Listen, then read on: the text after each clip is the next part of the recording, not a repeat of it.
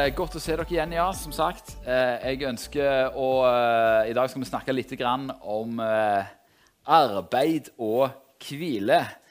Eh, det er jo litt sånn at store deler av vårt liv handler om arbeid og hvile. Eh, og, og vi, vi, snakker jo eh, om hvordan vi skal bli mer like Jesus. og siden arbeid og hvile er så stor del av livet vårt, må vi også snakke om hva er Guds tanker, hva er Jesus sine tanker om arbeid og hvile. For de av oss som er i full jobb etter norske regler, så betyr arbeid minst en tredjedel av hver av dagen vår. Det er åtte timer. Og hvis du 24 timer delt på åtte, da får du tre. Så det er liksom eh, tredjedel. Uh, og hvis du sover det du skal, som er sånn rundt åtte timer, så, så er det òg en tredjedel. Så to tredjedeler av livet handler om arbeid og hvile. Um, og det er Ja. Derfor er det viktig å snakke om hvordan skal vi forholde oss til disse tingene. Hvordan skal vi forholde oss til arbeid, hvordan skal vi forholde oss til hvile. Eh, og så lever vi jo i et samfunn som, eh, der alt eh, skal gå raskere, og der alt skal gå mer, bli mer effektivt. Og når alt skal gå raskere, gå fortere, være mer effektivt, man skal rekke over mer Kjappere, fortere, billigere Så er det fort gjort at arbeidet vårt går på bekostning av hvilen. Så I dag skal vi se nærmere på hva Gud tenkte om arbeid og hvile. Hvordan vi kan leve i Guds vilje i arbeidet vårt og i hvilen vår. Kjære Jesus, eh, takk Jesus at du kom både med arbeid og hvile. Eh, og vi ber Herre om at du skal lære oss eh, hvordan vi skal håndtere dette her eh, på din måte. Hva du tenkte med arbeidet, og hva du tenkte med hvilen, Jesus. Det ber vi om i ditt hellige navn. Amen. For å finne ut hva Gud tenkte om arbeid og hvile, så er det greit å begynne med begynnelsen. Så det er det jeg har tenkt å gjøre i dag. Eh, så gå inn i første Mosebok, kapittel 2. Der eh, skal vi ta noen vers. Eh, vi skal ta første Mosebok 2, 15 og 19. Så vi skal hoppe, hoppe litt i versene og ta for oss det som handler om arbeid. Der står det at eh, Og Gud Herren tok mennesket og satte ham i Edens hage til å dyrke og verne den. Og Gud Herren hadde formet av landjorden alle markens dyr og alle himmelens fugler. Og han førte dem til mennesket for å se hva han ville kalle dem. Det mennesket kalte hver levende sjel det ble dens navn. Vi ser her at vi er skapt for arbeid. Gud satte mennesket i Edens hage for å dyrke hagen og for å beskytte hagen. Det var på en måte oppdraget fra begynnelsen av. Og Så ser vi òg at Gud førte eh, dyr til mennesket eh, for at mennesket skulle gi dem navn. Eh, og Det vi kan se ut av disse to arbeidsoppgavene, det er at eh, Gud hadde både praktiske oppgaver for mennesket, og så hadde han intellektuelle oppgaver for mennesket. Det var praktiske gjøremål. Han skulle dyrke hagen, vokte hagen, passe på hagen. Det er et praktisk arbeid. Og så skulle han gi dyr navn, som et intellektuelt arbeid. Eh, så, så, disse to sidene ved menneskelig arbeid eh, er, er, er noe som, som, har vært der fra starten av. Både det fysiske arbeidet, det at ting må ordnes, ting må fikses, mat må lages. Eh, man skal arbeide med ting. Og det intellektuelle arbeidet. F.eks. organisere, sette navn på, kategorisere. Sånne ting. Det har vært der helt fra begynnelsen av. Det, det, det har vært en iboende del i det å være menneske. Men det som er virkelig interessant eh, når vi snakker om det opprinnelige, det er hvordan hvilen passer inn i menneskelivet. før fallet. Jeg skal gå enda litt tilbake til første Mosebok 1. Og så skal vi lese vers 27 og vers 31 og kapittel 2, vers 2. Jeg har markert der hvor jeg hopper. Der ser vi at Gud skapte mennesket i sitt bilde. I Guds bilde skapte han det.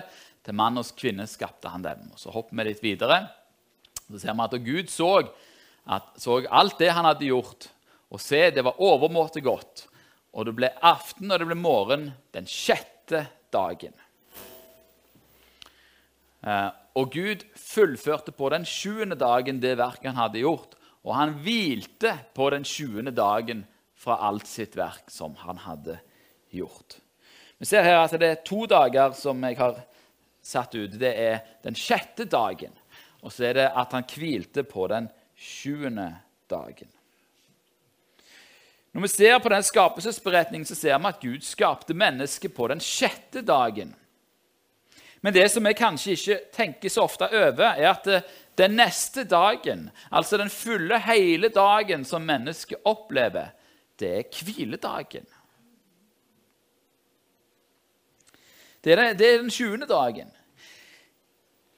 Så det betyr at uh, Dette er veldig betydningsfullt, for det betyr at menneskets utgangspunkt var hvile. Det første mennesket opplevde, var hvile. Og så skal det sies da om, om hviledagen, og det er noen teologer som mener det at uh, hvis vi leser den skapelsesberetningen, så, så, så, slutter på en måte aldri den syvende dagen for Gud. Det står aldri at så ble det eh, morgen og kveld den, den første dagen igjen. Eh, det er akkurat som om den syvende dagen er der for alltid. Eh, fra Guds perspektiv. Så for Gud så er det alltid den syvende dagen. Han, har, han hviler fremdeles fra sitt verk, er det noen som, som tenker. Så det vi kan da si, er at Menneskets utgangspunkt var hvile. Det kom først. Så når da mennesket begynner å jobbe ut i kapittel 2 der, så ser vi at arbeidet kommer ut fra hvilen. Det blir et arbeid gjort ut fra overskudd og kraft. Guds hviledag endte aldri. Så alt arbeid som mennesket gjorde, det ble gjort i skyggen av, den, av Guds hvile. I skyggen av eh, den hvilen og den kraften og det overskuddet som lå i, eh, i Gud. Det var sånn arbeid og hvile var meint å være. At vi, at vi skulle begynne med hvilen for å hente kraft, for å hente styrke. Så skulle vi ta det overskuddet og den kraften ut i det livet som vi levde. Um. Men så kommer da fallet syndefallet. Og Det første som ryker i syndefallet, er menneskets forhold til arbeid. Det som er så viktig, det som er så stor del av livet vårt. Første Mosebok 3, 17-19 så står det at Og til Adam sa han, fordi du lød din hustrus røst og åt av treet som jeg forbød deg å ete av, skal jorden være forbannet for din skyld. Med møye Altså med strev skal du nære deg av den alle dine levedager. Torner, torner og tisler skal den bære for deg, og du skal ete av markens vekster. I ditt ansikts sved, altså ditt, med svette i ansiktet, skal du ete ditt brød, inntil du vender tilbake til jorda. For av den er du tatt. Støv er du, og til støv skal du vende tilbake. Vi ser her at eh, mennesket arbeider ikke lenger ut fra hvilen, men for å få hvile. Og det er noe ganske annet. Det er noe ganske annet å arbeide ut ifra hvilen, og det å arbeide for å få hvile. At vi må arbeide først, og så kan vi hvile. Istedenfor å hvile først, for så å arbeide. Arbeidet som tidligere hadde vært gjort ut ifra overskudd, og kraften som lå i å hvile i Guds opprettholdende makt, det ble nå mennesket avhengige av for å overleve. Man arbeida ikke lenger ut fra gleden i å gjøre det Gud hadde sagt at man skulle gjøre. Men man arbeida simpelthen for å overleve mot ei jord som var forbanna, og som derfor ikke samarbeida med mennesket. Nå er det flom på Østlandet. Jorda samarbeider ikke med mennesket.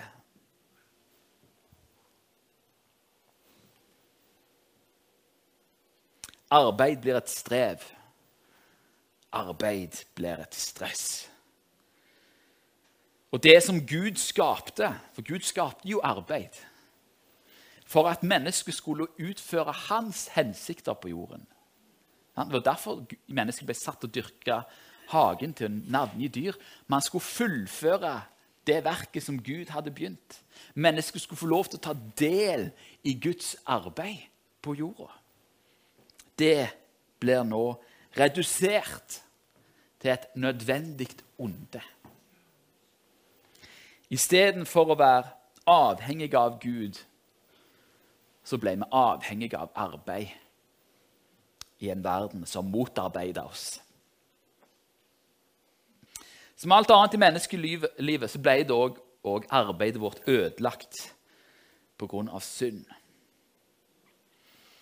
Og fordi arbeidet ble ødelagt pga. synd, så ble jo hvilen vår ødelagt pga. synd. Så hvordan vil Gud at vi skal forholde oss til arbeid og hvile i en syndig verden?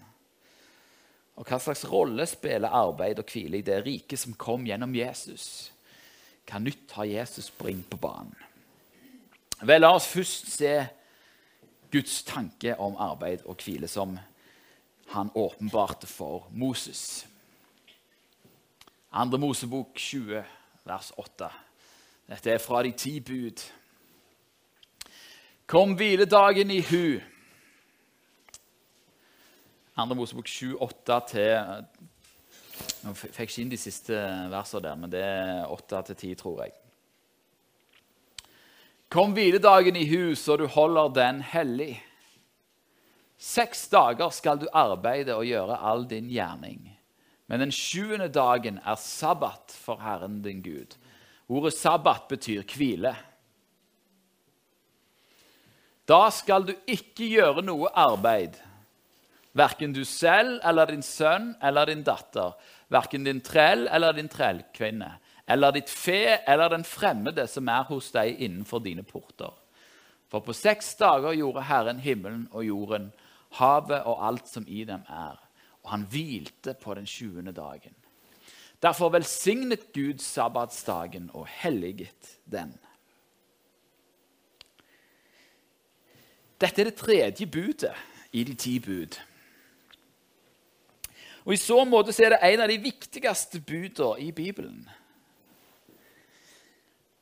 Når jeg, opp, jeg oppvokst i pinsebevegelsen, jeg har hørt veldig få taler om sabbaten og om hviledagen. Og det er det tredje budet. Hvorfor står det der? Hvorfor er det der? Jeg har hørt veldig få taler om det. Og Kanskje er det fordi at når sabbatsbudet blir tatt opp i kristne sammenhenger, så er det gjerne i forbindelse med Jesus sine diskusjoner med fariserene om hva sabbatsbudet egentlig innebærer. Derfor har det nok dessverre, kanskje ikke bevisst, men ubevisst, blitt sånn i våre sammenhenger at vi, tenkt, vi har tenkt at sabbatsbudet det er ikke så farlig. Med bakgrunn i Jesus sine diskusjoner med fariseerne. Og også Paulus sine ord til romerne, der han sier at det er frihet i disse tingene. Noen holder dagen hellig, og noen andre holder ikke dagen hellig. Så da har vi tenkt ja, ja, det er friskuring. Så glemmer vi at Jesus faktisk holdt sabbaten. For Jesus han oppfylte loven. Jesus har aldri brutt et eneste bud i loven. Jesus holdt sabbaten. Han brøt den ikke. Derimot så påpekte han overfor fariserene hva sabbaten faktisk var. Og han sa til dem, Markus 2, 27, han sa til dem, sabbaten ble til for menneskets skyld, og ikke mennesket for sabbatens skyld.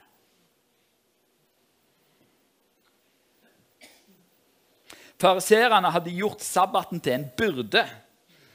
Men Jesus påpekte at sabbaten er frihet fra byrdene. Og Så slår det meg at vi òg har sett på sabbaten som en byrde, snarere enn som en fridag fra byrdene. Jeg husker da jeg var liten. Får ikke lov til å gjøre det eller det på søndagen? Søndagen er en kjedelig dag.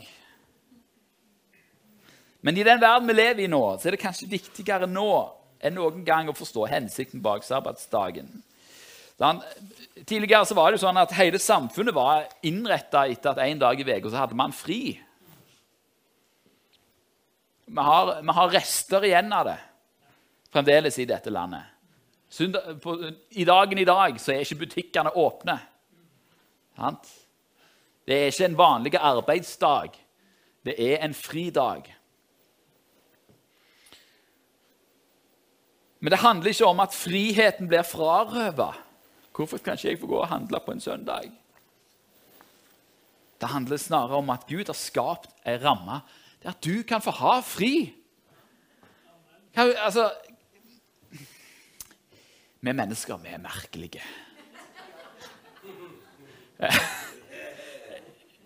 altså det fins mange bud og regler i Bibelen som kan være Å, det, hvorfor må det være sånn? Men av alle ting så sier Gud at du skal ha fri. Og så ser vi på det å ha fri som en byrde. Sant? Hvorfor har han satt en ramme? Er det fordi at eh, Gud ikke vil at du skal gjøre kjipe ting? Eller eh, kjekke ting. Liksom, du har lyst til å gjøre kjekke ting. Vil ikke Gud at jeg skal gjøre kjekke ting? Nei. Det er fordi at eh, kom, det, det, er heller for at eh, noen ikke skal si til deg nei, du må komme på jobb på den dagen.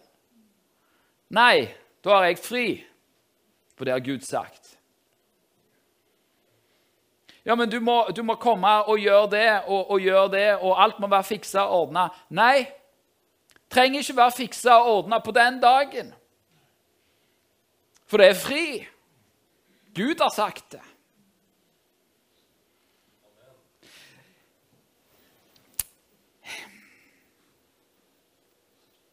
Det fins to måter å synde mot sabbatsbudet på. Og Det første er jo det mest åpenbare. At du arbeider hele tida. Tar deg ikke tid til å hvile. Når det det ender med, rent fysisk, er at du blir fryktelig stressa, har fryktelig høye skuldre, ikke blir du særlig trivelig å omgås heller, og til sist så vil kroppen din si ifra. Enten med å skru av, langværig sykemelding, eller med å skru helt av, få hjerteinfarkt og dør.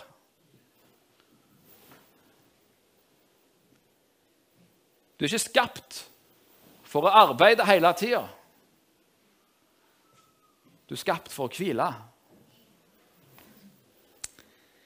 Og Denne trangen til å arbeide hele tida kommer jo fra denne forbannelsen som ligger over arbeidet. Fordi vår overlevelse på mange måter er avhengig av arbeidet vårt, så er òg arbeidet vårt gjenstand for bekymring, men òg for stolthet.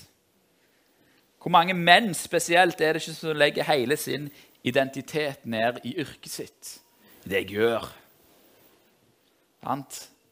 Hvordan ser vi dette best? Jo, vi ser det best når idrettsstjerner legger opp. De har lagt hele sin identitet ned i hvem de var, og hva de fikk til. Sant? Vi ser sånn som Klaus Lundekvam, Petter Northug. Hva er det som skjer? Og de må finne et eller annet annet. Fordi livet deres går ikke opp lenger, livet deres er ikke meningsfullt lenger. For de har lagt sin identitet ned i yrket sitt, i arbeidet sitt. I det, de, det, var der de var. Det var der de betydde noe. Og så plutselig, når karrieren er over, så gir ikke livet deres mening lenger. Og Sånn er det for oss mennesker òg. Selv om vi er kristne, så kan vi ha en veldig stolthet i arbeidet vårt. Sant? Den der identiteten. Jeg er bonde, eller jeg er arbeider, eller Og kanskje verst av alt Vet ikke hvem som er verst på dette. her. Det er pastorer. Ja. Hvem er jeg hvis jeg ikke er en pastor? Hvis jeg ikke får lov til å være i tjeneste, hvem er jeg da?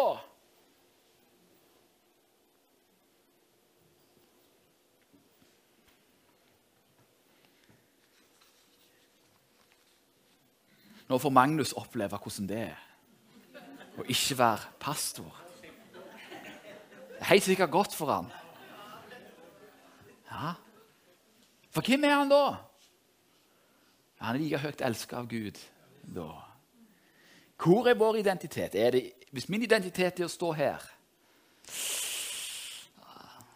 å, det, det, blir, det blir dårlig stemning.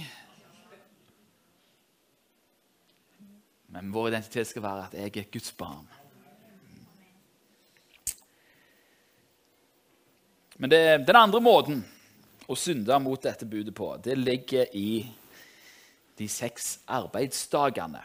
For Hvis vi skrur litt tilbake her, så står det at seks dager skal du arbeide og gjøre all din gjerning. Det er ikke alle som vil arbeide. Og Nå sier jeg ikke om de som ikke kan arbeide. Det er forskjell. De som ikke vil arbeide. Ordspråkene er fullt av formaninger til sånne folk, men òg Nytestamentet. Ordspråkene 6, 9-11 sier, 'Hvor lenge vil du ligge, du late?' 'Når vil du stå opp av din søvn?' Bare sove litt til. Bare en liten blund. Bare folde hendene litt for å hvile. Og kom armoden over deg som en landstryker og nøden som en mann med skjold. Jeg trodde det ikke skulle være så mye pes og, og um, for, min, for, min, egen del å tale denne talen. Men jeg, jeg, har aldri følt meg mer truffen av det jeg leser, og det jeg skal forberede, enn en disse tingene. Hvor mange ganger har ikke jeg sagt 'Å, bare litt til'?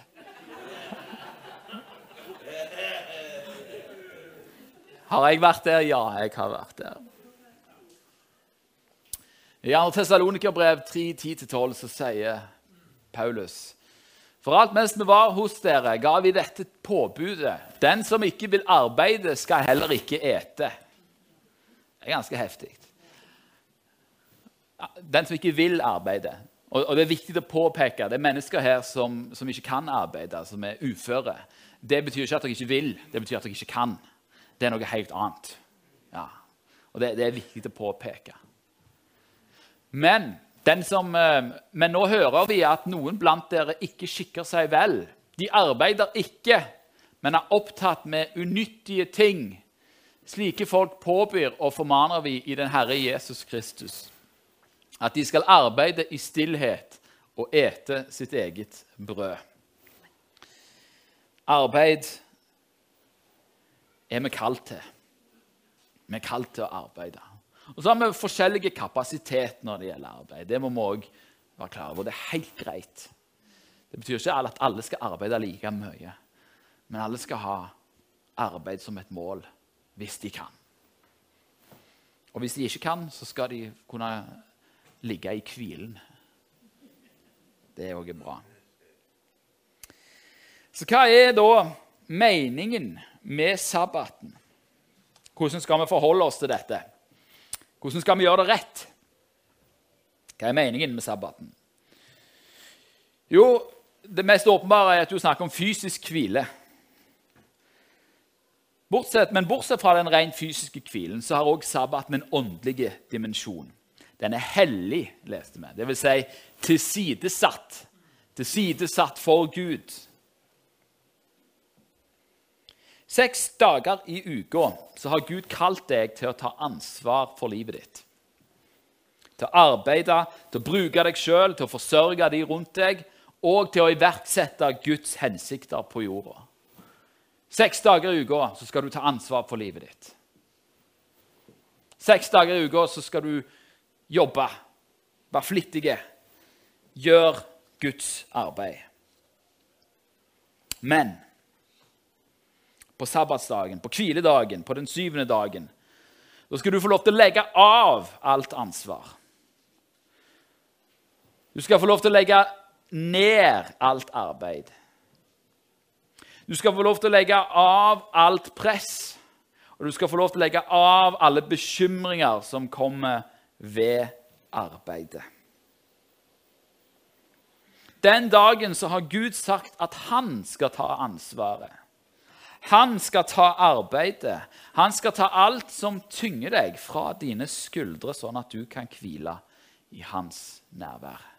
Det er hviledagens intensjon. Ikke bare, altså Seks dager i uka skal du ta ansvar. Men den syvende dagen så skal du slippe ansvaret. Slipp det! Slipp ansvaret. Ikke slipp det til hvem som helst, slipp det til han. Løft det til han. Legg det av.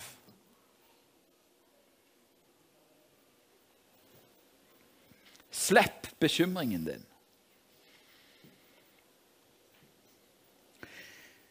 Hvis du gjør dette, så vil du hver uke minne deg sjøl om hvordan Edens hage var. Du, du, du, går på en måte opp ifra det vanlige strevet, og så skuer du bakover mot det som var. For du får ta del i det overskuddet og den kraften som fantes der i Guds nærvær. Du får oppleve den hvilen sånn som hvilen egentlig var. Og Samtidig så skuer du òg fram. Framover med håp mot den tilstand som en dag kommer. når vi skal komme inn til den evige hvilen. Du vet, Vi skal arbeide i himmelen òg. Men da kommer vi inn i den evige hvilen. Der det, der det alltid er overskudd og kraft. Der vi ikke går trøtte. Der vi ikke blir slitne på samme måten. Fordi vi, går, vi, vi kommer ut ifra overskudd og kraft. Så vi kan bruke den syvende dagen, vi kan bruke sabbatsdagen til å løfte det ansvaret vekk. Og så er det jo spørsmålet ja, hva er sabbatsdagen? Er det lørdagen? Er det søndagen? Jeg er pastor. For meg er det mandagen. Da er jeg fri.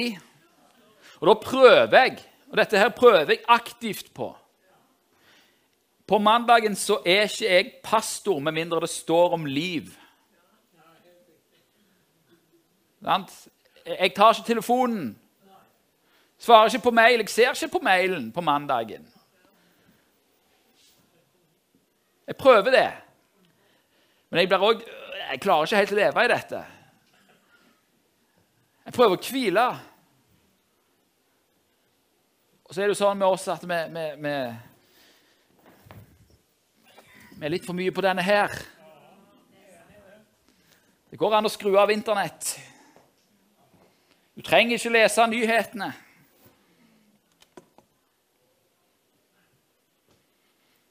Hvis det er noe viktig, så kommer det igjen neste dag.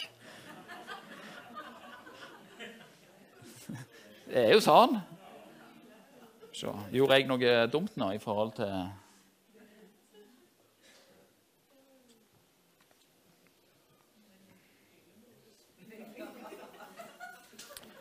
Var det Du har ikke rørt noen ting? Det kan være at han har tatt hviledag. Ja, gikk i hvilemodus. Bare sånn for å poengtere dette her.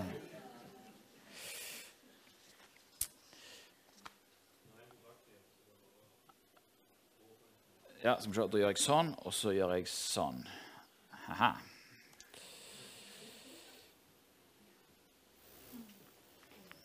Denne mannen her, han het Eric Liddell. Eh, jeg så litt på hans historie når jeg forberedte meg på, på denne dagen.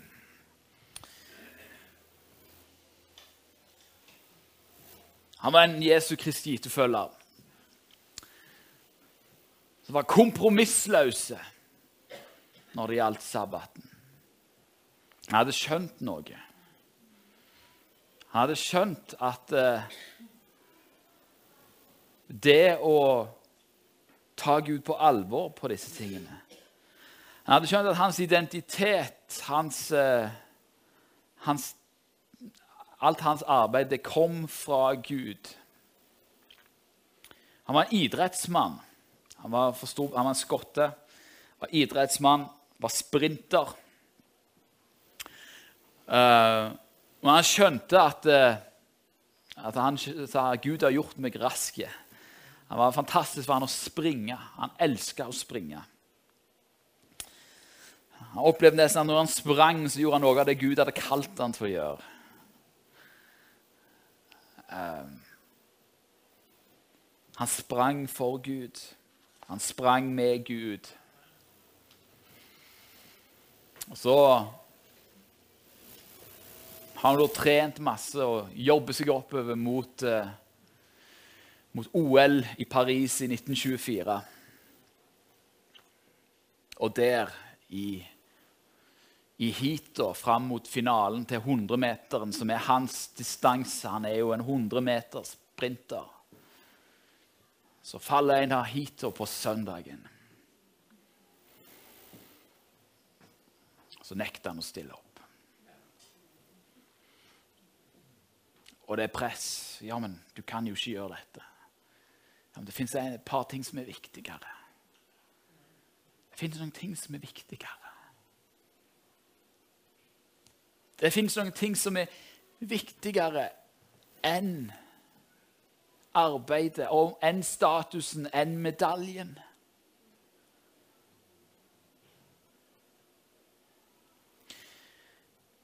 Du vet, alle de tingene som du gjør altså hvorfor, hvorfor, Det er jo noen av oss som er sånn at eh, ja, men jeg klarer ikke å slappe av før jeg har fått gjort det og det og det. og det og det.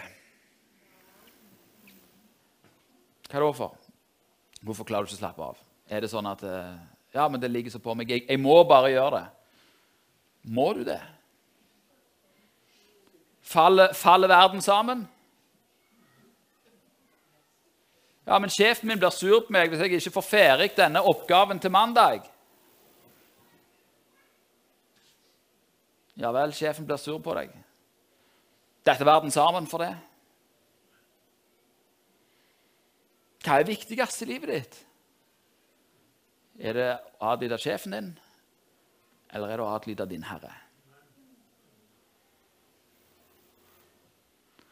Jeg ble testa på dette sjøl. Jeg hadde kjempetravel uke. Og denne talen den måtte jeg bruke lørdagen på. Klokka ble tolv midnatt. Da sa jeg til meg sjøl nå, nå skal det være ferdig.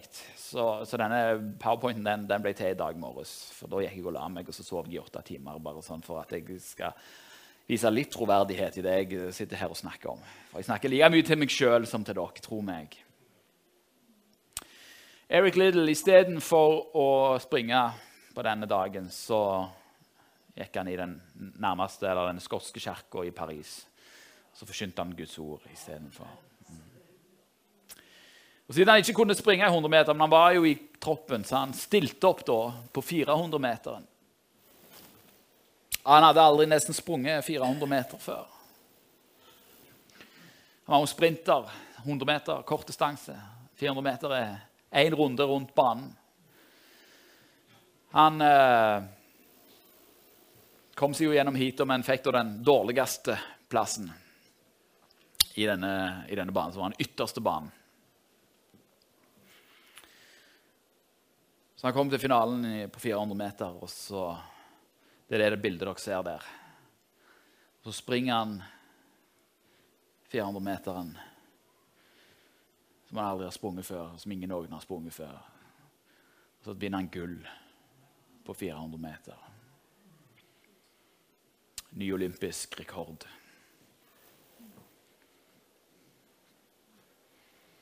Det ble laget en film om han. Det heter 'Chariots of Fire' i 1980-81. Den er verdt å se. Jeg har ikke sett den ennå, men den er verdt å se. Men Eric Little han, eh, han levde dette kompromissløse livet.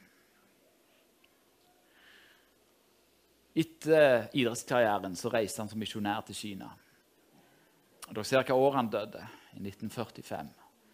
Han satt mange år i japansk interneringsleir og døde i krigsfangenskap i februar 1945. Men var et levende lys i denne leiren, der han var fanga med mange andre. Og det siste ordet han sa, vet du hva det var? Jeg overgir meg. Jeg overgir meg. For han hadde levd et helt liv i overgivelse til Gud. Overgitt til hans vilje. Og så ser dere dette da med hvilen og hviledagen. Han hadde skjønt noe. Hva gjør du når du hviler? Jo, du overgir deg til Han. Du legger deg ned og så stoler på ja, ja, Gud, du får ta deg av. Dette for jeg makter ikke. For jeg makter ikke. Det er sånn det ser ut.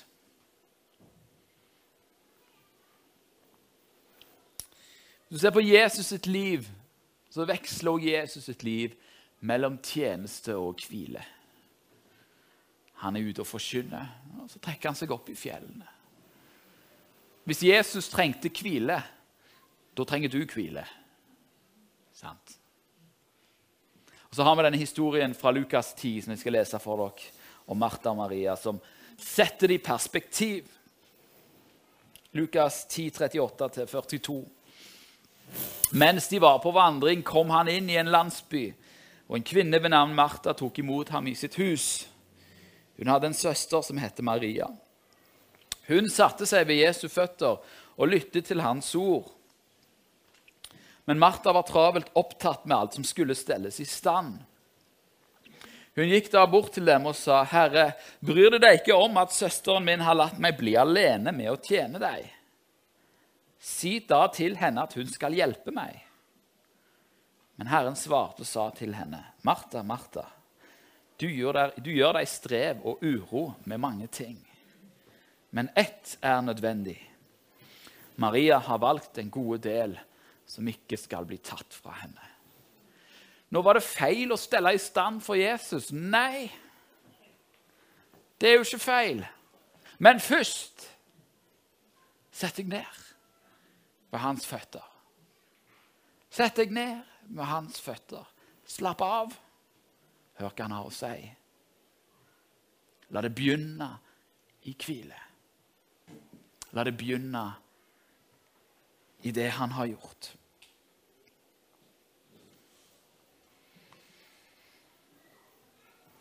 Det er jo ikke arbeidet som var problemet for, for Martha. Det var jo ikke det at hun arbeida det var at du gjør deg strev og uro med mange ting. Så du var veldig opptatt av at ting ikke, alt skulle være i orden. Og noen av oss er sånn. Vi vil helst at alt skal være i orden. Så får vi nesten angst hvis det ikke er det. Blir vi sure og kjefter på ektefellen. Altså, det er ikke nødvendig.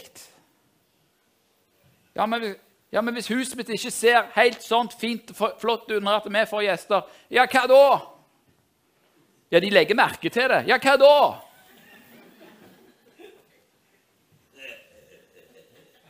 Vil du ha ære av Gud, eller vil du ha ære av mennesker? Vil du ha fred i livet, eller vil du ha angst, stress og uro? Det er veldig praktisk. Jeg sier ikke at jeg er noe bedre. Jeg òg kan kjenne på dette her, altså.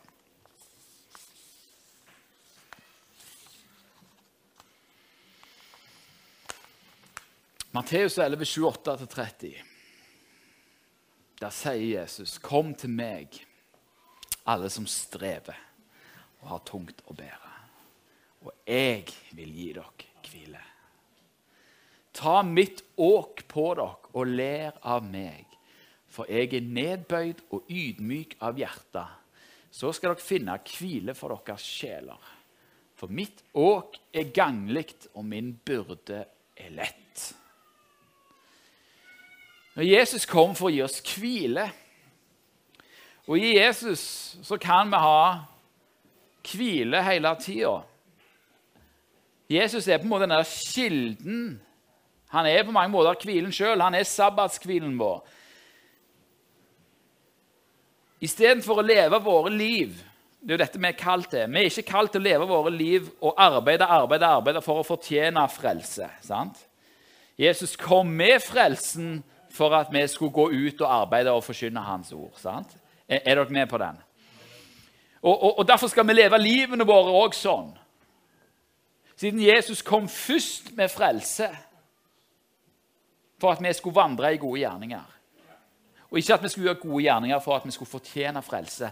Derfor skal vi òg leve i hvilen. Der er òg vår hvile. Jeg hviler i at jeg er frelst. Jeg hviler i at han har gjort det. Jeg hviler i at det er det som er det viktigste. Og så kan jeg gjøre mitt arbeid ut ifra det.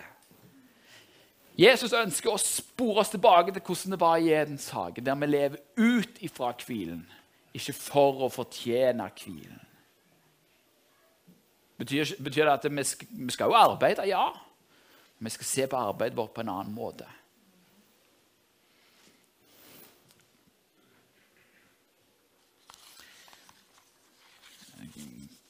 Nå har ikke jeg konferert med kona mi om dette, men jeg tror det er greit at, at jeg sier det. Hun, hun, hun, levde i en sånn uh, kommunitet eh, i Sverige. Så nesten en sånn klosterlignende tilstand. Og Der lærte hun et eller annet Der lærte hun noe spesifikt. da. Hun, hun hadde da i oppdrag å vaske toaletter. Mange toaletter. Og Da var det da sånn at hun hadde så og så lang tid. Hvis hun ikke ble ferdig innen tida, så skulle hun bare stanse. Så sier ok, det var så langt jeg kom. For da var det noe annet. Da var det tid for noe annet. Det viktige, det viktigste, var ikke arbeidet. Det var bønnen. Bønn og arbeid. Det var arbeid. Ja, men det viktigste var bønn. Ja, men hva om skal ikke bli ferdige med arbeidet? Ja, men det var ikke det viktige. Det kommer nye arbeidsdager der vi kan gjøre ting ferdig. Poenget var bønnen. Det ble satt i førersetet. Det var det kompromissløse. Det var det ufravikelige.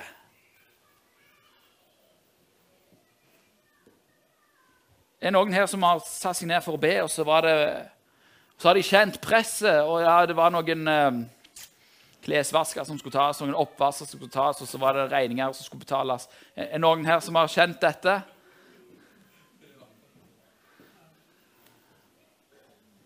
Der går det an å være kompromissløs.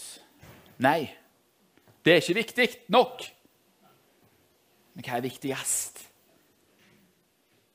Hvis vi lærer og bare kommer til Jesus med alt som strever og er tungt å bære, så vil vi få hvile.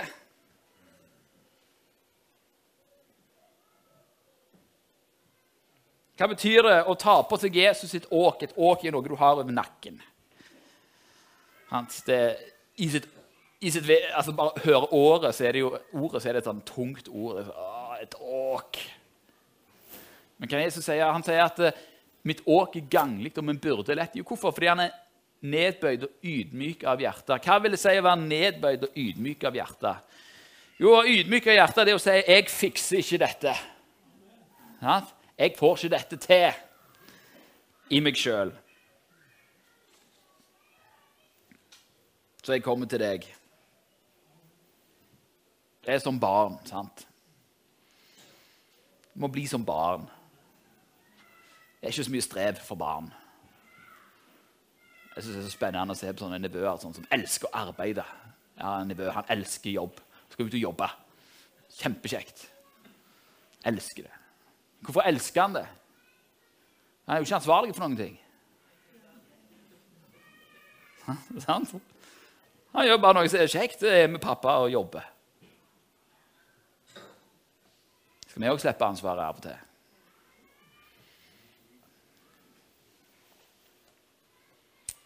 Jesus er vår sabbatskvile. Når vi lever med han, så kan vi leve sånn. Det kompromissløse sabbatsliv. Og jeg taler like mye til meg sjøl i dette. Vi skal be sammen. Kjære Jesus, jeg takker deg, Herre, for at du gir oss den sanne hvilen. Du har eh, tilveiebrakt for oss frelse, og du har tilveiebrakt for oss hvile. Vi kommer komme uforskyldt med alle våre problemer og alt som vi skulle ha gjort. Og så kan vi si her er jeg nå, og nå får jeg lov til å hvile. Takk, Jesus, at vi får lov til å hvile hos deg. Vi får lov til å sette oss ned ved dine føtter og bare høre på hva du har å si. Kjære Jesus, du kom med mat.